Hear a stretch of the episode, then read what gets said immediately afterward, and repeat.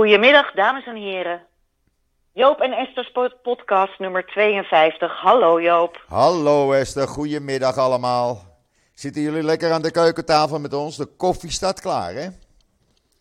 Ja, ik zit ook weer aan de keuken. Ja, gezellig. eh, Joop, dus Ja. eh, we zijn er weer. De storm is eh, geluwd, dus ik kon hem lekker schoonmaken buiten. Nou, wat, wa- wat was het, hè? Jullie hadden enorm eh, Oh. slecht weer. Ja. Enorm. Ik. Nou, het deed me aan Nederland denken. Ik kon er niet tegenin lopen. Dinsdag. Het was niet normaal. Windkracht 12. Zo heftig. Ja, Ja. windkracht 12. En een regen. Een regen. In Jeruzalem is 150 mm gevallen. Gigantisch. Nou ja, dat natuurgeweld, Joop, is eh, natuurlijk niet vergeleken bij het eh, natuurgeweld dat eh, in Turkije en Syrië heeft Nee, plaatsgevonden. verschrikkelijk. Eh, vanochtend stond de teller op eh 16.000, geloof ik. Ja, een Of kleine- 13.000 doden. Nee, het loopt tegen de 16.000 doden. Ja, en dan hebben ze voorlopig uit Syrië geen cijfers gekregen. Dus, dus dat loopt nog wel verder op. Syrië was Wij in hebben- Israël bekend eh, een kleine 3000 doden tot ja, nu toe. 3500 hadden ze het vanochtend over. Ah, oké. Ja, ja. Wij hebben nog helemaal het NIW natuurlijk omgegooid. Want eh, we zagen natuurlijk ook wat, eh, wat Israël eh, deed. Eh, meteen hulp bieden. Ja, Eh, zelfs dat Rusland zou hebben gevraagd aan Israël om in Syrië te helpen. Nou, dat, de wonderen zijn ook nog de wereld niet uit. nee. Maar ehm, ja, jij hebt ook het laatste nieuws. want heb het laatste nieuws. Vliegtuigen uh, die kant op gegaan, heb Ja. ik begrepen. Er werd gisteravond bekendgemaakt dat er eh gisteren op één dag in totaal 15 eh, vlieg- vrachtvliegtuigen van de IDF naar Turkije zijn gegaan met tonnen aan goederen. En allerlei elektronische apparatuur en apparatuur voor dat hospitaal.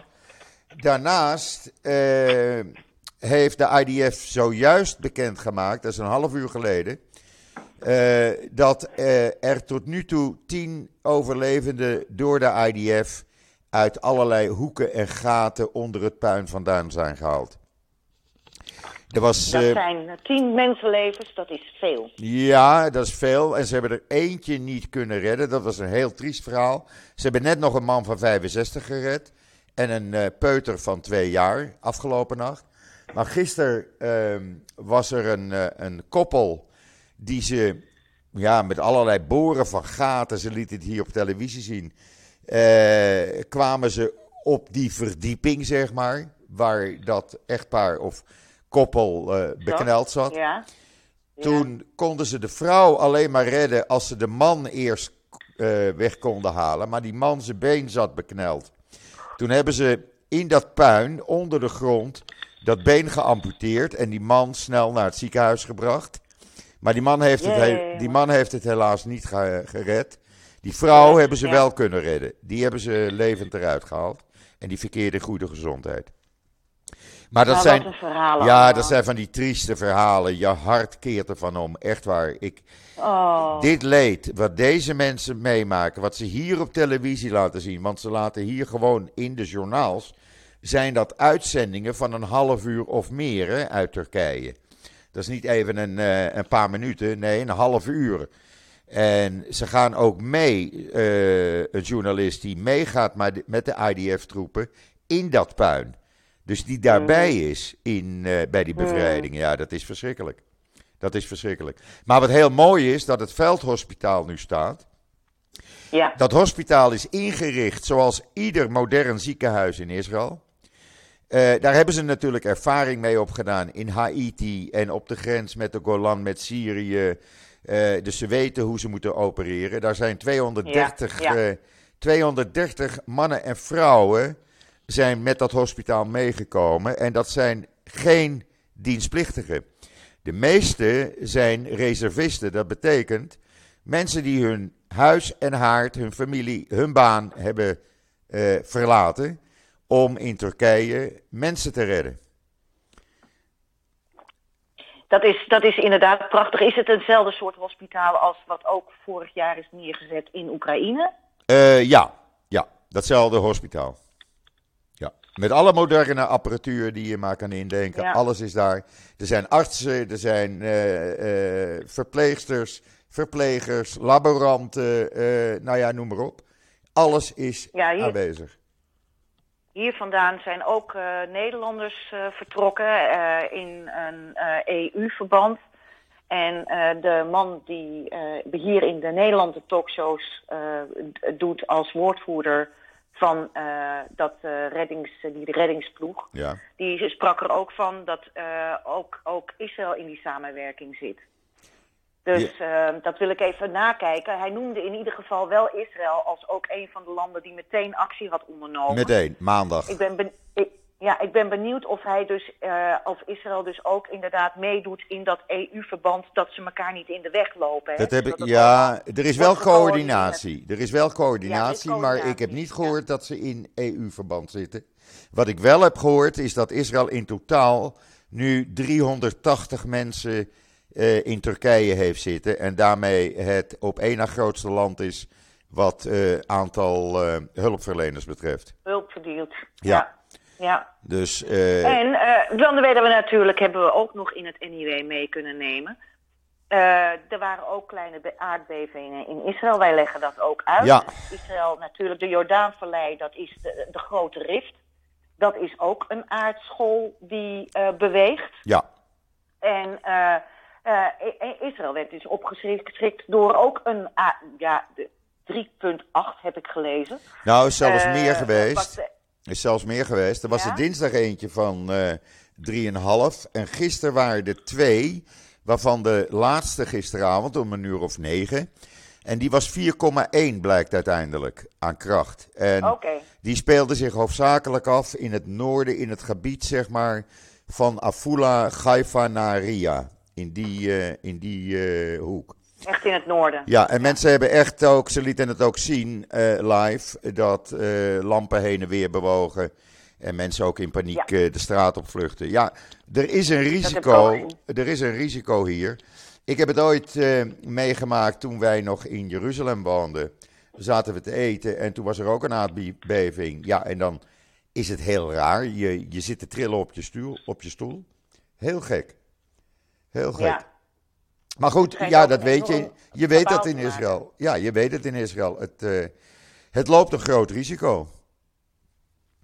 Dus ik ja, hoop... daar zijn de, de wetenschappers ook wel over eens. Hè, dat, Ja. dat er gaat Israël ook het een en ander kan verwachten. Absoluut. Zeker omdat die, die school van Israël die beweegt naar het noorden en die beweegt tegen die school aan. Ja, Met de, eh, eh, die, waar dus nu die enorme aardbeving heeft plaatsgevonden. In Turkije heb je twee aardbevingsgevoelige eh, delen. Dat is één in het noorden. Dat weten we nog uit Istanbul in negen- 1999, waar toen ook 20.000 mensen zijn omgekomen. ja, En er is een breuk in het zuiden. En Israël, de, de, de Israëlische plaat, zeg maar, de, de, de, dat is eigenlijk de Afrikaanse plaat, want de rift, eh, de, de rift is de scheiding volgens mij tussen de Afrikaanse plaat en de Aziatische plaat. Ik moet hier vanaf blijven. Ik moet geloof ik zeggen, dan moet ik het niet zeggen. Nou, maar in ieder geval. zeg maar dat Israël twee platen, zeg maar dat noorden. twee, Ja. zeg maar dat het twee platen zijn die over elkaar heen schuiven. Precies. Ja. Ja. nou ja, die langs elkaar heen schuiven. En de, die ene waar Israël dus eh, vanaf de Jordaanvallei in zit, die beweegt naar het noorden. Ja, Dus die beweegt 90 graden ongeveer tegen die zuidelijke breuk aan, die over de, de hele zuidgrens van Turkije loopt. Ja. Zo, zo zit het in ieder geval in zo elkaar. zit het in elkaar. Ja, en dan is hier natuurlijk een, een extra groot probleem. Er wordt al tientallen jaren gewaarschuwd dat er wat aan de woningen moet worden gedaan die in de jaren 60 zijn gebouwd. Die zijn heel snel eh, gebouwd. Dat zijn die woningen, iedereen Ja. die in Israël is geweest, je kent ze wel, die staan op pilaren waar auto's onder worden geparkeerd en fietsen onder worden geparkeerd. Je fiets en je brommer, ja, Juist. precies. Nou, ja. die huizen, die, eh, dat zijn er anderhalf miljoen. eh, anderhalf miljoen woningen, lieten ze hier op televisie zien. Die dus eh, gewoon als broodjes in elkaar zullen storten. Eh, en dat is natuurlijk een groot probleem. En er wordt jaren voor gewaarschuwd en niemand doet er wat aan. En nu hebben we natuurlijk een minister van Binnenlandse Zaken. die eh, van het Hoge Rechtshof geen minister meer mocht zijn, meneer Deri. Daar is iemand Yep. anders voor in de plaats benoemd, eentje van zijn partij. En die moet dus optreden nu als minister van Binnenlandse Zaken en actie ondernemen. Maar deze meneer is al 14 dagen niet op zijn kantoor geweest. Dus er wordt, weer geen, allemaal, ja, er wordt weer geen actie ondernomen. Eh, het gebouw van jou, eh, eh, Joop, dat is nieuwer.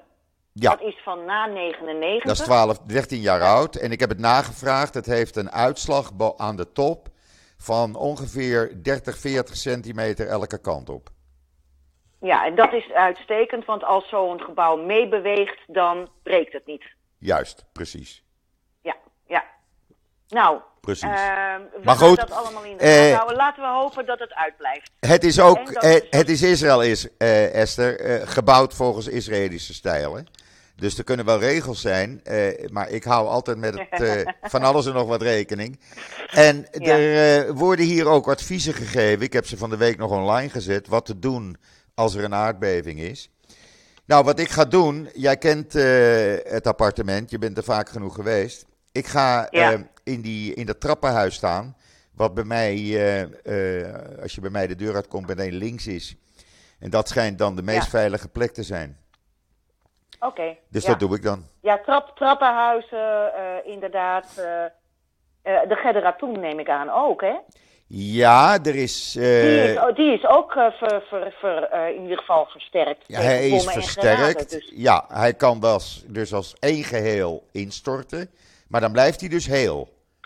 En dan zit je daar dus Ja. in. Hoe je daar dan uitkomt is, de, is, een, is een vraag. Maar goed, ook dat is een veilige ruimte, want dat zijn extra dikke betonnen muren.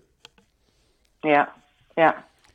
Nou, laten we hopen dat het voorlopig uitblijft. Ja. En dat er actie wordt ondernomen. Ja, want we maar hebben genoeg aan ons natuurlijk in, in... Precies, dat wilde ik net zeggen. Er is in Israël nog wel veel meer aan de hand. Nou, nou, nou, nou, nou. Het is verschrikkelijk. Het is echt niet normaal. Er zijn vanmorgen demonstraties eh, geweest bij eh, scholen door het hele land. Hebben de ouders Mhm. gedemonstreerd met de kinderen tegen de hervormingen. Er komt vanavond een eh, interview op Channel 12. eh, wat veel opzien zal baren. Ik heb de uittreksels al gelezen. Eh, dat is met de voormalige kabinetssecretaris van Netanyahu en door hem benoemde procureur-generaal Mandelblit. Ja, mandelblik. En wat ik gelezen heb, nou dat zal als een bom inslaan, want hij zegt onder andere vanavond op televisie dat Netanyahu meneer Levin nooit wilde benoemen vanwege juist zijn ideeën over de gerechtelijke hervormingen. Hij wou hem nooit als minister van Justitie hebben.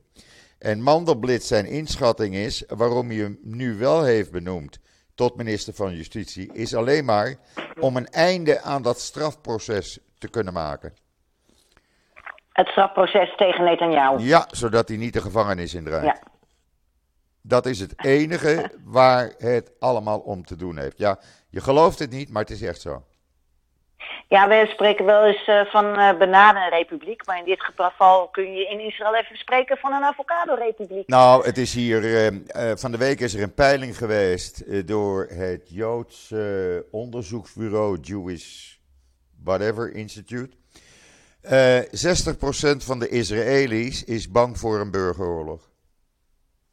Ja, en dat zei weken geleden Benny Gantz al, hè? Ja, never a dull moment toen hier. ook tot zijn angst daarvoor uit. Ja, Ja. never a dull Ja. moment. En dan is er nog vanmorgen bekend geworden dat mevrouw Netanyahu, Sarah Netanyahu, eiste voordat Netanyahu benoemd zou worden nu als premier, dat eh, hun privéwoning eh, in Caesarea, Ja, hun- Caesarea, in, ja. in Caesarea, eh, al het Ja, ik onderhoud vertaal het even voor de mensen, hoor. ja, sorry.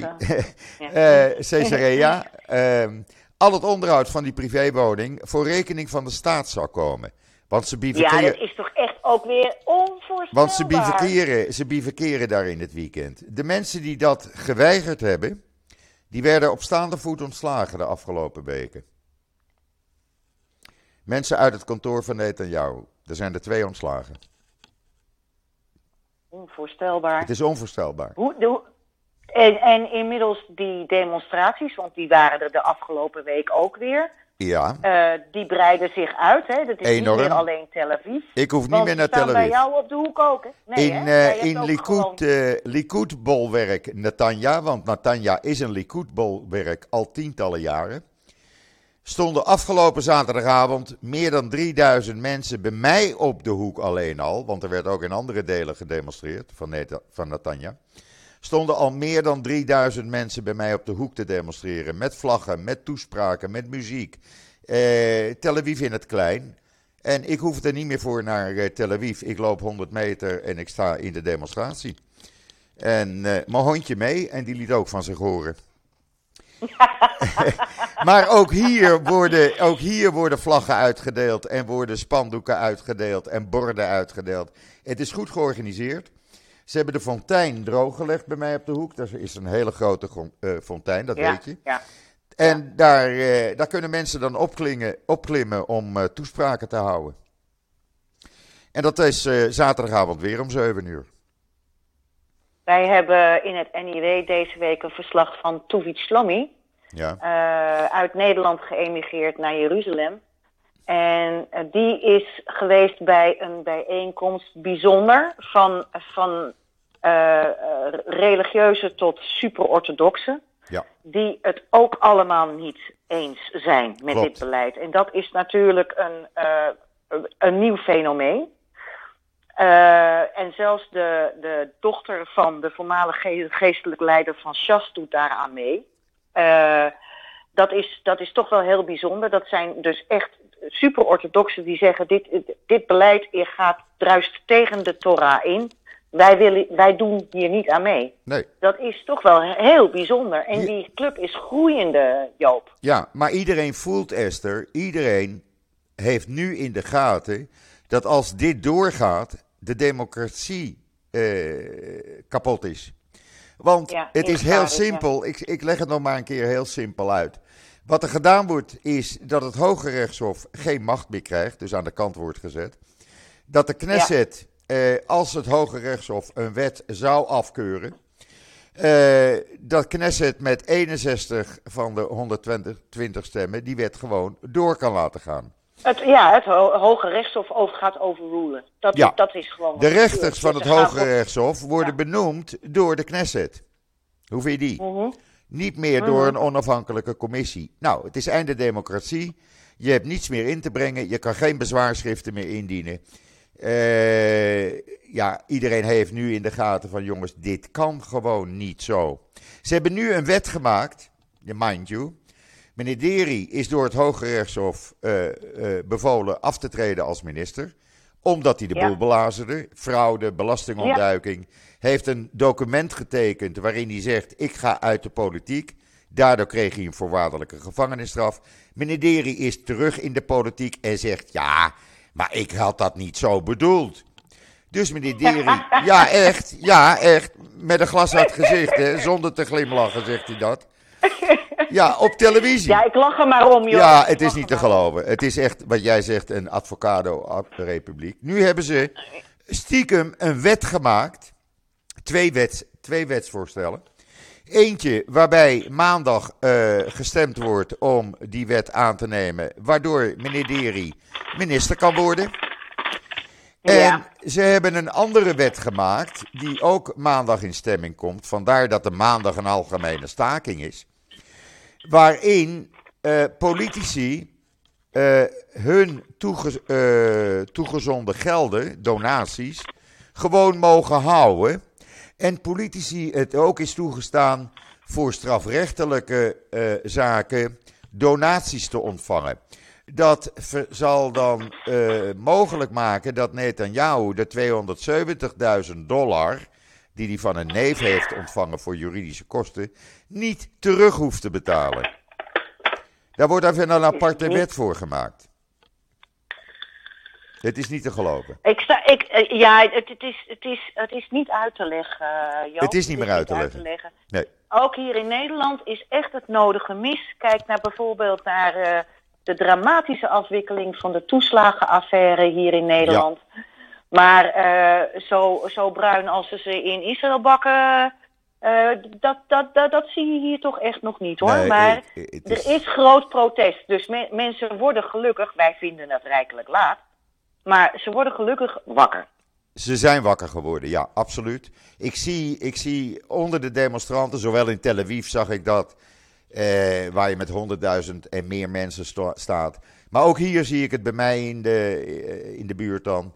Eh, het zijn religieuze, er zitten orthodoxe joden bij, de seculaire, hippies, oude vandaag, teenagers. Het is een mix van Israël, een doorsnee.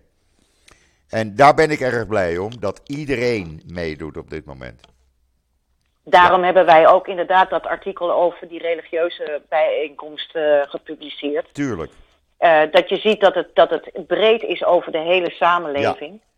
Eh, want dat is in ieder geval een, een, een, een goed teken, laten Ja. we wel zijn. Nou ja, ik zeg teken. wel eens, never a dull moment in Israël. Maar het is echt letterlijk en figuurlijk never a dull moment. Want elke uur is er wel weer wat anders wat bekend wordt. Je wil het niet weten. Het is niet te geloven wat hier zich allemaal voordoet. Nou is er vanmorgen een, eh, een of andere orthodoxe minister geweest. Die is min- minister binnen een ministerie waar dan al twee ministers zijn. Maar goed, ze moeten allemaal een baan hebben. Ja, en die, ja. die vertelde op de televisie, dat staat dan in alle Hebreeuwse en Engelstalige kranten. Ja, de ultra-orthodoxe gemeenschap is jarenlang gediscrimineerd. Maar jullie zien, het werkt niet, want wij maken veel meer kinderen dan de niet-orthodoxe. ja, nou ja, dat is ook een gevaar. Ja, Demografisch is het een enorme verschuiving die de afgelopen jaren heeft plaatsgevonden. ja. Maar goed, op dit moment is nog geen 17% van de bevolking ultra-orthodox. Ja, maar je kunt niet zeggen laten we het zo houden. Nee, het gaat echt helemaal verkeerd. Ze hebben, Ja. Wat ze hebben gedaan hier, meneer Amsalem van de Likud, die was nogal op zijn, nou, laat ik zeggen, teentjes getrapt dat hij geen minister werd. netjes, netjes, netjes, ja. Hij werd geen minister. Dus hij stond te schreeuwen op video en op televisie, want hij, dat is een man met onbehouden gedrag. Altijd schreeuwen. En eh, ik ga Netanyahu aanpakken en ik steun je niet meer. Nou, hij heeft hem minister gemaakt. Minister binnen eh, het ministerie van, ik geloof, eh, Binnenlandse Zaken ook. Waarbij die minister is voor de betrekkingen tussen de Knesset en de regering. dat is best wel grappig. Dat vind ik toch wel een leuke. Daarnaast is hij minister voor diplomatieke betrekkingen geworden. Wat het inhoudt weet niemand. Maar hij is minister voor diplomatieke betrekkingen. Meine Güte. Maar je- zult, je zult maar, ik ken natuurlijk heel veel medewerkers van het Misrada Goed. Ja, eh, eh, van het ministerie van Buitenlandse Zaken. Die heb ik natuurlijk, eh, ik heb daar velen van ontmoet. daar zijn de vijf ministers, hè? Je, ja, maar je, je zult daar maar ambtenaar zijn. Je zult maar op dat ministerie werken. Je wordt toch knettergek. Ja, het is niet te geloven. Ze hebben op buitenlandse zaken Je vijf ministers. Vijf Ik ken, bril, ik ken briljante diplomaten. Echt Ja. briljante diplomaten. Hè? De, Ja. ehm, nou, ik ga geen namen noemen, want briljante mensen die zien wat er gebeurt. Die ook zien waar Israël het in het buitenland steken laat vallen. Die met hun handen in het haar zitten. En die dan nog een keertje zo'n heel eh, voetbalteam eh, aan ministers krijgen. Waar je dan naar de ene verantwoording moet afleggen en naar de andere. En zussen me zo in Hatsenvlat. Ja. Je wordt er toch gek van? ja, we hebben een minister. die... Eh, Binnen bu- Buitenlandse Zaken is er dus een minister van Buitenlandse Zaken. Maar die minister van Buitenlandse Zaken mag alleen maar af en toe met het buitenland bellen. Of even naar het buitenland gaan of iemand ontvangen. Want als er een minister van Buitenlandse Zaken uit zeg maar Nederland hier naartoe zou komen. Dan gaat hij naar Netanyahu toe en niet naar de minister van Buitenlandse Zaken. Want zo werkt dat. Dan hebben we een minister voor Buitenlandse Betrekkingen. Dan hebben we een minister voor, eh, nou, voor de diplomatieke betrekkingen. Dan hebben we een minister voor speciale zaken, dat is die Dermer. En dan hebben we een minister voor de diaspora. Dat valt allemaal onder buitenlandse zaken. Wat heeft Netanyahu gedaan deze week? Die heeft de minister voor de diaspora en de minister voor speciale betrekkingen naar Amerika gestuurd. om aan de Amerikaans-Joodse gemeenschap te vertellen dat het juist zo goed is wat hij doet om de democratie kapot te maken. Want het is goed Ja. voor de economie. Ja, en, Ja, blij- ja. en blijven Oh jullie ja, daar dan... hadden we het vorige keer ook al over. Ja, ja, en blijven jullie dan alsjeblieft- voor de economie. Ja, en blijven jullie dan alsjeblieft wel geld storten? Nou, dat doen ze dus niet. En het ene na het andere high-tech bedrijf heeft aangekondigd zijn gelden uit Israël weg te halen. Ja, daar hebben we het ook over in het NIW deze Ja. week. Die bedrijven denken allemaal, jongens, jullie zoeken het maar uit, wij doen niet meer mee. Nee, er zijn Ja, gisteren met... gisteren 51 top-economen, waaronder Nobelprijswinnaars, ja, uit Amerika Ja. geweest, die Netanyahu dringend adviseren: stop ermee. Want je maakt het land Ja. kapot. Ja, Er wordt niet geluisterd. ja. Er wordt Nee, niet maar hij, geluisterd. eh, alles is, alles is onder, eh, ondergeschikt aan het belang van meneer Netanyahu. En er zit gewoon maar één ding op. Kijk, je zult een ruilmiddel moeten hebben met Netanyahu. Maar ja, het voorbeeld van Deri eh, belooft al niet veel goeds. Nee. Maar er zou dus inderdaad een afspraak moeten komen met Netanyahu. Jij vertrekt uit de politiek, je krijgt immuniteit. En, eh, en eh, we gaan over tot de orde van de dag. Want hij maakt gewoon ook de hele Likud kapot. Iedereen weet dat hij maar- alles kapot maakt. Iedereen Als weet je, het. als je nou ziet, een, een- een, een journalist hier in Nederland als Hans Knoop. Ja, Die jarenlang voorzitter is geweest hier van Likud. ja. Nou, het is een van de grootste criticasters geworden. Je moet hem lezen in het NIW. Ik heb hem gelezen, Eh, eh, briljant. Ja, van briljant. Briljant. Ja, Maar recht tegen, tegen alles wat er nu gebeurt in. ja. Dus ja, het is echt, het is, echt- het is echt niet best, Joop. En Nee. we hebben ook altijd gezegd, de, de vrede moet van rechts komen. Maar eh, wat je nu ziet, is dat rechts gewoon een burgeroorlog riskeert. Ja. En de, en de verhoudingen worden ook harder, kan ik je zeggen. Ja. Niet dat Ja. er bij die demonstraties gevochten wordt, dat gaat allemaal prima. Daar is geen enkel probleem. Maar ik merk het gewoon in de Knesset en, en daarbuiten, daaromheen, wat daar, wat daar gebeurt. Ik bedoel, er is Ja. nu een ploeg van 300 reservisten te voet van Latroen onderweg naar het Hoge Rechtshof in Jeruzalem. Daar moeten ze morgen aankomen. Dan is er Ja, maandag... dames en heren, Latroen is, de, Latroen is heel symbolisch. Hè? Heel Ja. belangrijk geweest in de onafhankelijkheidsstrijd in, eh, van Ach, Israël. in eh, 48. Eh, eh, je, je moet daar echt gaan kijken. Het Ja. is heel bijzonder. Ik, wij hebben ook voor het NIW ook de, ehm de Burma Road gedaan die daar langs loopt. Ja, waarmee ze hebben geprobeerd Jeruzalem destijds te ontzetten. Het is eh, eh, eh, een, een heel, en het ligt ook echt in het hart van het land. ja. Latroen. En dus dat heeft een heel symbolische waarde. En zeker als reservisten daar vandaan gaan lopen, ja, dan, dan weet je dus echt dat er, dat er grote onrust Nou, en niet zomaar, hè. Het zijn niet zomaar reservisten, want er zitten ook hoge officieren, ex-officieren bij. Zoals het voormalig hoofd van de Mossad, Prado, die loopt mee. Hmm, Eh, er zitten generaals bij, topgeneraals, die eh, eh, met pensioen zijn. Allerlei bekende figuren uit de militaire wereld lopen mee. En die willen morgen bij het Hoge Rechtshof aankomen om het Hoge Rechtshof steun te betuigen. te betuigen. Ja. Heel goed. Dan krijgen we maandag, wordt het hele land plat gegooid. Eh, er hebben al honderden bedrijven toegezegd eraan mee te werken en hun personeel vrij te geven om naar Jeruzalem te gaan. En waarom naar Jeruzalem? Er wordt maandag eh, een begin gemaakt met stemmen tegen die eh, wetsvoorstellen. Mhm. nou, dat wil men verhinderen door met tienduizenden, honderdduizenden mensen rond de Knesset te gaan staan. Men heeft de oppositie opgeroepen. Op het moment dat die stemming begint, lopen jullie de eh, Knesset uit. Want als er geen oppositie is, kan er niet gestemd worden. Ah, dat Dus- is een mooie regel. Ja, Daar ja, kun je heel veel mee torpederen. ja want dan is het niet rechtgeldig namelijk. Ja. Zij kunnen Ja. bezwaar maken en als het bezwaar niet geaccepteerd wordt, dan lopen ze weg. Dus Oh, eh, dat belooft maandag wat. En als dan de economie plat is, ja, dat betekent dat die eh, credit ratings bedrijven, zoals JP Morgan, Ja.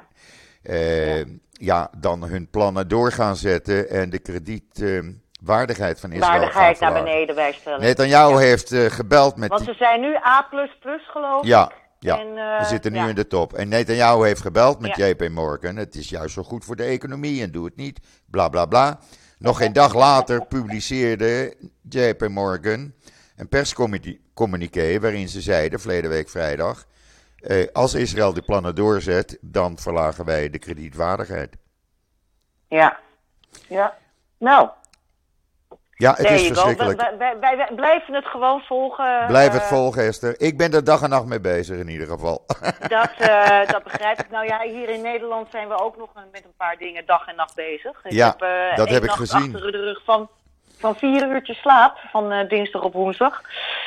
Want er gebeurde van alles. Natuurlijk hebben we meteen eh, een pagina over alle activiteiten van Israël in Turkije hebben we gepubliceerd. We hebben het hele eh, blad nog om eh, 11 uur s morgens omgegooid. ja, Eh, en, eh, en dan hebben we natuurlijk ook nog het eh, nieuws. Nou ja, ik, heb, ik verwerk het in mijn commentaar. We hebben een paar weken geleden natuurlijk dat rapport gehad van de Claims Conference. Eh, waar allerlei onverlaten van zeggen, aan dat rapport klopt helemaal niks. En het is allemaal, wat natuurlijk bullshit is, ze hebben het kind met het badwater weggegooid. Nou, wat ik dus zeg en ook eh, geschreven heb en ook op Twitter heb gezegd. ehm, dat Claims Conference ehm, eh, eh, onderzoek, dat deugt wel degelijk. Het is ook wel degelijk belangrijk om de cijfers uit Nederland af te kunnen zetten tegen alle andere landen waar dit onderzoek ook heeft plaatsgevonden. Want dat is op precies dezelfde methode gebeurd met precies dezelfde vragen. In die andere landen was er helemaal geen kritiek. Maar omdat de uitslagen van Nederland zo negatief waren, kon het niet kloppen. Oh ja. Nou ja, ja, ja. en eh, gisteren, gisteren is dus een tweede rapport uitgekomen. En daar hebben ze dan wel problemen mee. Want eh, eh, dat kunnen ze niet zomaar wegzetten, want dat is van de Anne Frank Stichting. Ja. Die ze al, dat, en dat, dat onderzoek nemen ze al jarenlang bloedserieus. Dus daar kunnen ze niet van zeggen, er klopt niks van.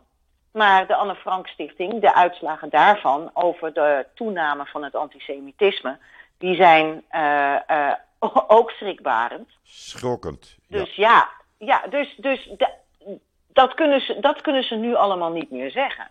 Maar dat hier in Nederland dus echt het een en ander gaande is, is ook heel duidelijk. En ik eh, ben verbijsterd over de manier waarop de media daar dan mee omgaan. Eh, want eh, eh, de Anne Frank Stichting kunnen ze niet ehm, eh, negeren. Hè, zoals ze dat wel bij de claims hebben gedaan. Wat ook onzin was. Ja. Maar dan, ja, dan ontstaan er heel kleine berichtjes. En dan heeft men het al, vooral over het antisemitisme dat vanaf de voetbalvelden eh, doorcijpelt. Ja, dat, dat eh, Ajax wordt gezien als een jodenclub en dat je daarop reactie krijgt. Dat vind ik niet half zo ernstig als wat er gebeurt binnen andere groeperingen. Juist. En dan heb ik het echt niet alleen over moslims. Want mensen zeggen, ja, dan kom je weer met je moslims. Nee, mensen, ik heb het ook over, over eh, de, de complottheorieën van Forum voor Democratie. En weet ik veel wat niet allemaal. Dus het is een veel complexer ding. Maar iedereen heeft het nu over dat voetbal van, eh, voetbalantisemitisme. Wat ik in principe de minst ernstige vorm vind. Ja. Vind ik in wezen de minst ernstige Ja. vorm. Nou ja, enfin. Dus daar eh, hebben we ook wat mee gedaan.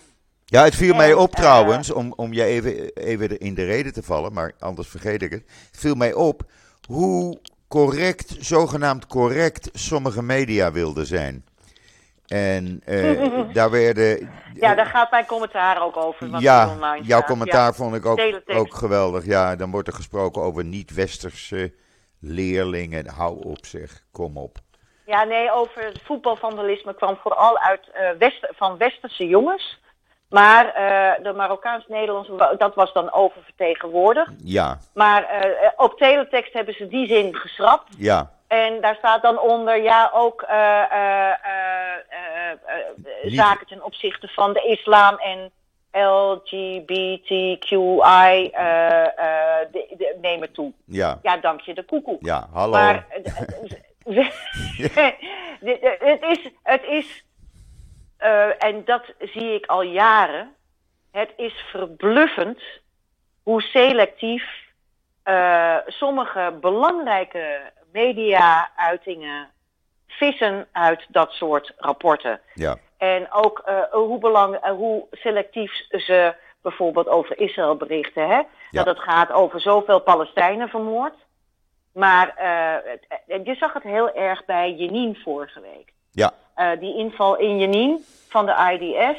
Uh, daar waren negen Palestijnen gedood, of twaalf Palestijnen gedood.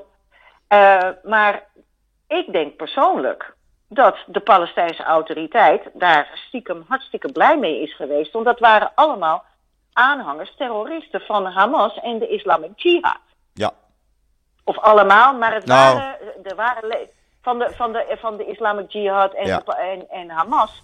En die vormen voor de Palestijnse autoriteit, die wij allemaal als veel minder beschouwen, of milder beschouwen, een grote bedreiging daar op die Westbank.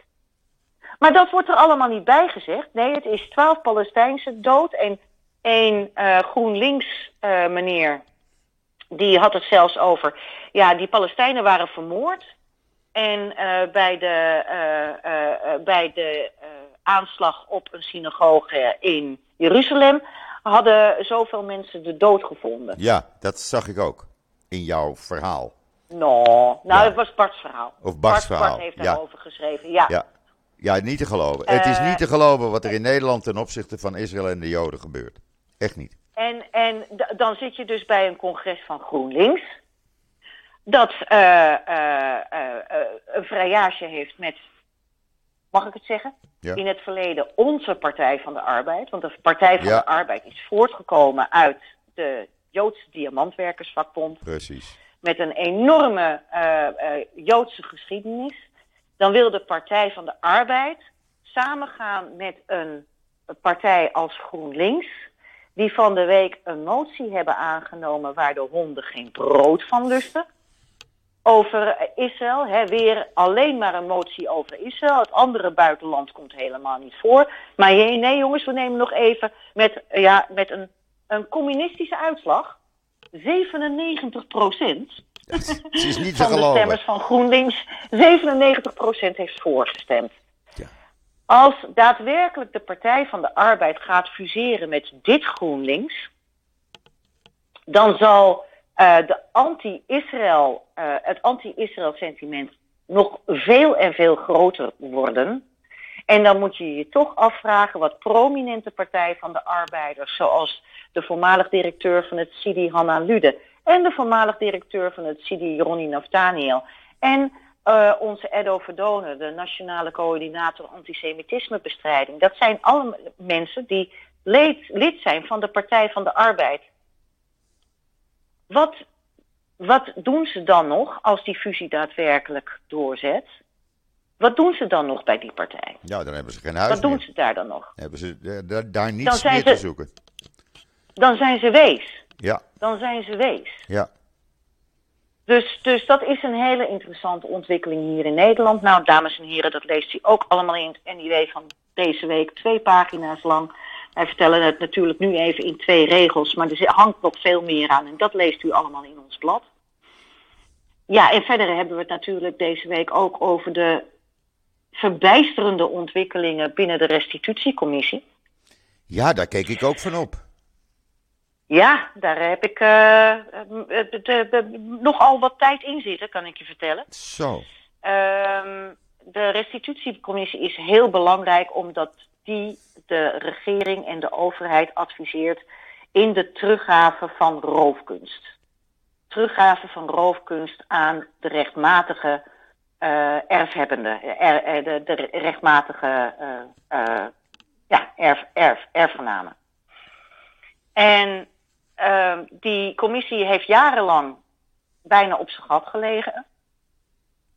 Totdat uiteindelijk Jacob Koonstam, zeer gerespecteerd man, uh, ook voormalige uh, senator voor D66,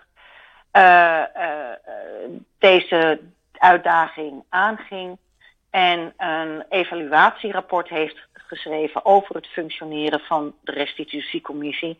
En dat rapport was best niet mals. Daaruit bleek, ja, musea gaan gewoon voor en de erfgenamen moeten maar niet zo zeuren en dat moet andersom. Er moet meer rekening worden gehouden met de nabestaanden. En, uh, en die moeten een uh, duidelijk voorrang krijgen in deze zaak. Want het is van hun voorouders gestolen. Uiteindelijk heeft Jacob Koonstam zelfs zover uh, de zaak opgepakt dat hij voorzitter is geworden van die restitutiecommissie in oktober 2021. En sindsdien functioneert die commissie fantastisch. Maar echt fantastisch. Koonstam heeft onvoorstelbaar veel bereikt. In die jaar en vier maanden. Hij was aangesteld voor drie jaar. En uh, vorige week komt ineens het bericht dat zowel hij als vicevoorzitter Els Slaap uh, ontslag hebben ingediend. Maar met enorm veel pijn in het hart. En iedereen houdt zijn mond erover. En de uh, plaatsvervangend voorzitter die daar nu dus de zaak heeft opgepakt nadat Jacob Koonstam en Els Slaap zijn vertrokken, dat is een meneer Dick Oostinga. Een voormalig notaris, maar meneer Dick Oostinga, die zat al in die commissie in 2018. Dus die heeft ook die tijden, al die jaren meegemaakt, tot 2021, dat die commissie niet goed functioneerde. En uh, kortom, er is daar iets gaande en je krijgt er de vinger niet achter. Uh, iedereen houdt zijn mond erover dicht, maar het feit dat meneer Koonstam zegt met ontzettend veel pijn in het hart. En ik had hem aan de telefoon. De man uh, leed er echt onder, dat hoorde je echt. Uh, daar is ook gewoon door de anderen van de restitutiecommissie geen goed woord over gezegd, over zijn functioneren. Geen goed woord over gezegd. Het is niet te geloven. Heel vreemd. Heel vreemd. Heel vreemd. Ja, ja, ja, misschien. Geen, geen goed woord nee. over gezegd. Ja. En uh, uh, uh, ja, wij, wij, gaan dus kijken hoe dit zich verder ontwikkelt. Want ja, je natuurlijk. begrijpt dat ik hier bovenop zit. jij wil de onderste steen boven hebben en dat moet ja. ook. Want hier, ja. hier deugt iets niet. Dit, dit stinkt. stinkt. Dit, dit stinkt. stinkt. Ja, ja, het stinkt. Het stinkt. En ik ben benieuwd wiens belangen hier een rol in spelen. Dat zijn wij allemaal, ja. Joop. Dat kan ik me voorstellen. Lees het artikel. Lees het artikel. Ach, ach. Ja, ik, ja. Uh, ik zag de kop gisteravond toen je mij het NIW toestuurde. Uh, ik moet het nog lezen. Ik heb er gewoon geen tijd voor gehad. Maar ik heb me wel even Begrijp voorbereid ik. voor vandaag. Dat ik weet waarover het gaat. Ik vond ook uh, Frits, Barend. ba Frits Ja. Barend erg goed. Dat is al een aanrader om alleen daarom het NIW te lezen. Bij wijze van spreken. Ja, Frits Barend in navolging trouwens van Hans Knoop. Hans Knoop Ook. heeft er ook al eerder wat over geschreven. Ja, Uh, kijk, uh, en dat gaat over de rol van de Telegraaf ja, tijdens de oorlog. ja. Uh, er zijn nog steeds mensen onder wie voormalig adjunct hoofdredacteur van de Volkskrant en voormalig hoofdredacteur van HP De Tijd, Bert Vuijsje. Uh, die uh, nog steeds uh, de mythe in stand houdt dat de Telegraaf zoveel slechter was tijdens de oorlog dan andere kranten. En dat is gewoon feitelijk onjuist. de Telegraaf heeft destijds de volledige strontemmer gekregen. Maar bijvoorbeeld NRC, hè, de elitaire, het keurige NRC, was net zo fout. Ja. En um, uh, en voor zover je van fout kunt spreken. Want de Telegraaf heeft destijds de, uh, de Joodse werknemers, die moesten ze weliswaar ontslaan, maar ze hebben wel bijvoorbeeld hun salaris doorbetaald. Ja. En uh, dat zijn allemaal gegevens die allemaal zijn ondergesneeuwd van, oh jongens, alle ballen op de Telegraaf, want wat waren die toch fout in de oorlog? En 75 jaar na dato wordt die mythe nog steeds in stand gehouden. Waarom? Omdat de Telegraaf natuurlijk een rechtse signatuur heeft. Dus uh, uh, iedere journalist die links uh, is, die houdt die mythe graag in stand. Ja, meneer. Bert Vuijsje, meneer Bert Vuijsje, meneer Bert Vuijsje. Maar er klopt gewoon niks van. Nee, maar daarom Dus, vond ik dat eh, artikel van Frits Barend En daarom, die ijzersterk. opinie, die opinie van Frits is fantastisch. Is geweldig. Want die legt Ja, punctueel de vinger op de zere plek. Ja. Dus ik hoop ook dat meneer Bert Vuijsje de opinie van Frits Barend zal lezen. nou, ik, vind, ik die- vind dat iedereen het moet ook- lezen. Ja, absoluut. Absoluut. Ja. Echt, want Hou, dat hou, is... hou eens op. Hou er eens mee op dat het alleen de Telegraaf was. Ja, Want dat is gewoon feitelijk onjuist. ja, precies. Precies. Dat het alleen de Telegraaf was. Nee, ik vind deze Ja. week het NIW ijzer en ijzersterk. Met eh, veel opzienbaar het nieuws, mag ik stellen. Echt waar. Ja, en ook nog het verhaal van Billy Joel, hè? Ja, jeumig. Heb je, heb je, heb je gelezen? Ik heb, daar een, eh, dat, eh, ik heb, heb me helemaal in Billy Joel gevreten de afgelopen week. Ja, dat had ik in de gaten. Maar die, maar die eh, zijn familiegeschiedenis is onvoorstelbaar. ja, ik heb het nog niet gelezen. Ik heb de kop gezien, ik heb de Ik- foto's Ik zal het gezien. even ko- Ja, kort uitleggen. Ja, kort dat. uitleggen. Eh. Voor het hele artikel moet u het NIW lezen. Maar de grootvader van Billy Joel had een gigantisch postorderbedrijf in Duitsland. In Nuremberg notabene, voor de oorlog. En die grootvader die moest uiteindelijk Streicher, hè, de man van Der Sturme, die eh, had speciale aandacht voor meneer Karl Joel, de grootvader van Billy Joel. En eh, die, eh, die Carl Joel die heeft voor een habbekrats op een gegeven moment dat enorme bedrijf moeten verkopen aan, luister, meneer Neckerman. Kent u ze nog? Neckerman, Goh. reizen enzovoort. die naam komt bekend voor, hè? Eh, Ja, precies, precies. En ze, hebben, ze zijn net op tijd kunnen vluchten via Cuba. De, de, dus de opa van Billy Joel en zijn vader, Helmoet. Die zich later Howard noemde, maar geboren was als Helmoet. Die zijn via Zwitserland naar Cuba uiteindelijk gevlucht, vlak voor de oorlog. Berooid aangekomen in de Verenigde Staten. Met z'n allen. En eh, pas in 57 heeft eh, Neckerman, toen, wat in dat, die tijd wel een enorm bedrag was, eh 2 miljoen mark eh, eh, restitutiegeld moeten betalen aan Carl Joel. Die zijn ook, Carl Joel en Helmut Joel, dus ook de vader van Billy Joel, die zijn toen teruggekeerd naar Europa. Vader Karl is zelfs overleden, opa Karl is zelfs overleden uiteindelijk in Nuremberg. Maar het gevolg was wel dat, de, dat Billy Joel, die vader eh, van Billy Joel, dus de zoon van de grootvader van Billy, die is in, ook in 57 gescheiden van zijn vrouw. En die bleef berooid achter met de kleine Billy. Jeumig. Nou, het is, het, is, het is een gigantisch verhaal. Het is een gigantisch verhaal. Nee, ik ga het weekend Dus, echt eh, lezen. Ik ga het weekend lezen, dat heb ik me voorgenomen. Eh, vrijdag begint hier het weekend, dus ik heb twee dagen de tijd. Ik ga er echt voor zitten, dat meen ik serieus, want ik wil dat lezen. Ja, heel, heel bijzonder. Ja, ik ga het doen, dat Esther. het, eh, dat, dus eh, buiten dat het leven van, van Billy natuurlijk zelf, hij heeft bipolaire stoornis en twee keer zelfmoord geprobeerd te plegen enzovoorts. Het is allemaal echt niet over rozen gegaan. Maar het is, het is een interessant verhaal. Enfin. Nou, dus en zo gaan we maar door, Joop. Ja, zo praten we alweer nog eh, even vertellen. 50 minuten vol. Ja, Daar zitten wij, daar zitten wij niet mee. Nee, hè? En dan moet ik de mensen even, ik ver- wil- ik moet de mensen even iets vertellen. Wij hebben geen voorbereidingstijd gehad vanmorgen, Esther en ik.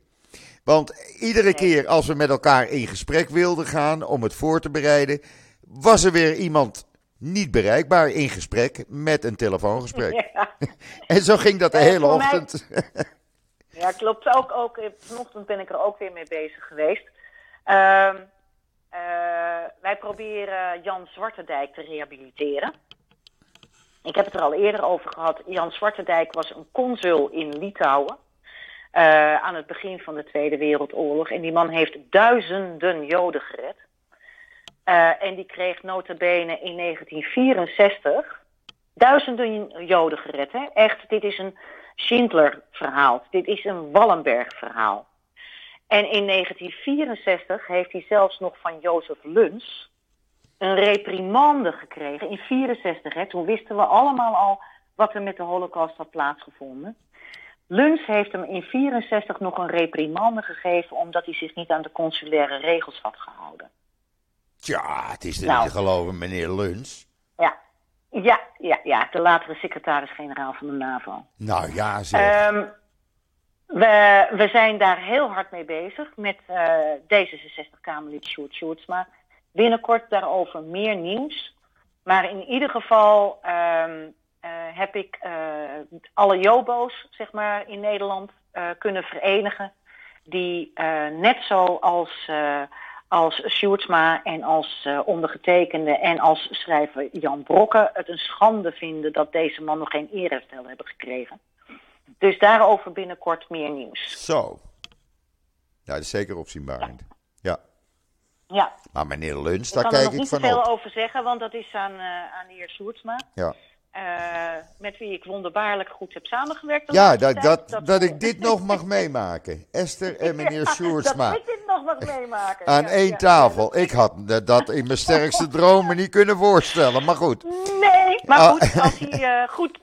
Wat goed is, is goed. Klaar. Alles kan. en- Wat en- goed is, is goed. Deze, absoluut. Deze actie is gewoon goed. Ja. Eh, Jan Zwartendijk verdient een plek in onze geschiedenisboeken. Absoluut.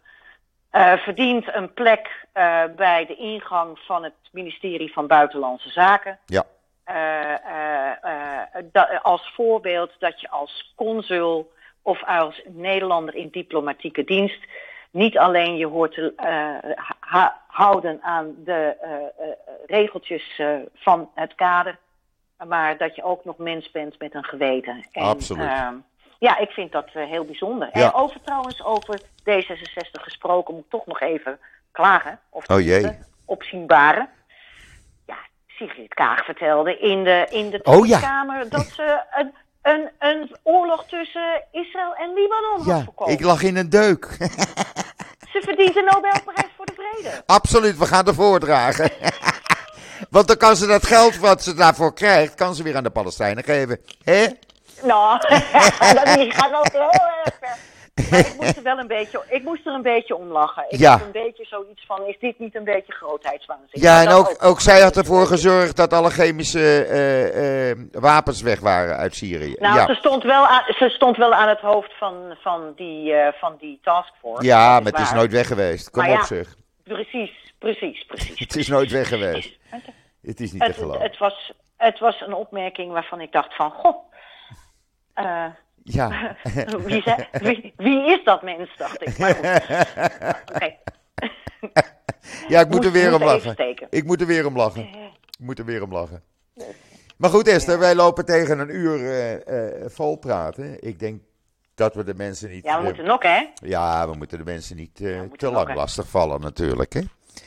Hè? Hou gewoon het NIW in de gaten. Hou de website van Esther in de gaten. Hou eh, mijn en Esther's eh, social media in de gaten. Want ja, wij, eh, wij Ja, brengen... de website van het NIW en het Twitter-account van Esther. Ja. Ja, want wij brengen het nieuws zoals het zich voor blijft doen. En er gebeurt nog heel wat de komende dagen. Dus we zijn er nog lang niet. Maar goed, Joop gaat even weekend vieren morgen en zaterdag. Ik ga het eventjes, als het kan. Want hier in Israël kan je, geen, plannen, kan je geen plannen maken. Dus eh, Nee. we gaan het even rustig aan doen. Lekker naar de kinderen toe morgenavond. En dan eh, Mhm. zaterdagavond demonstreren. Jawel, ik sta er weer. Heel goed. En eh, ja, zo gaat het weekend om. Ja. Hou ons op de hoogte. Ik hou jullie op de hoogte, Esther. Geen enkel probleem. Ik wens iedereen Shabbat Shalom en een mooi weekend. Jou speciaal, Esther. Doe het ook even rustig Ook aan. voor jou en ook Dankjewel. voor iedereen. Ja, Dankjewel. ik eh, ga proberen het weekend weer wat minder te doen. Maar ja, Je weet het nooit. Met Israël, never a dull moment. en ik ben de zondag Nou, weer. hier ook niet. Ik ben de Ja. zondag gewoon weer. Oh ja, dan heb ik een geoloog in mijn podcast. Die gaat uitleggen wat het risico voor Over Israël is. Scholen, over die platen. Ja, ja, heel goed. ja, heel interessant. Dus Heel interessant. eh jawel, dat wordt heel interessant. Dus ik zeg gewoon, fijn weekend, Shabbat Shalom. En eh, zoals ik altijd zeg, tot ziens. Tot zondag. Hoi, hoi. Dag. Dag. Wacht even, Mickey. Dan moet ik Esther even bellen. Oh.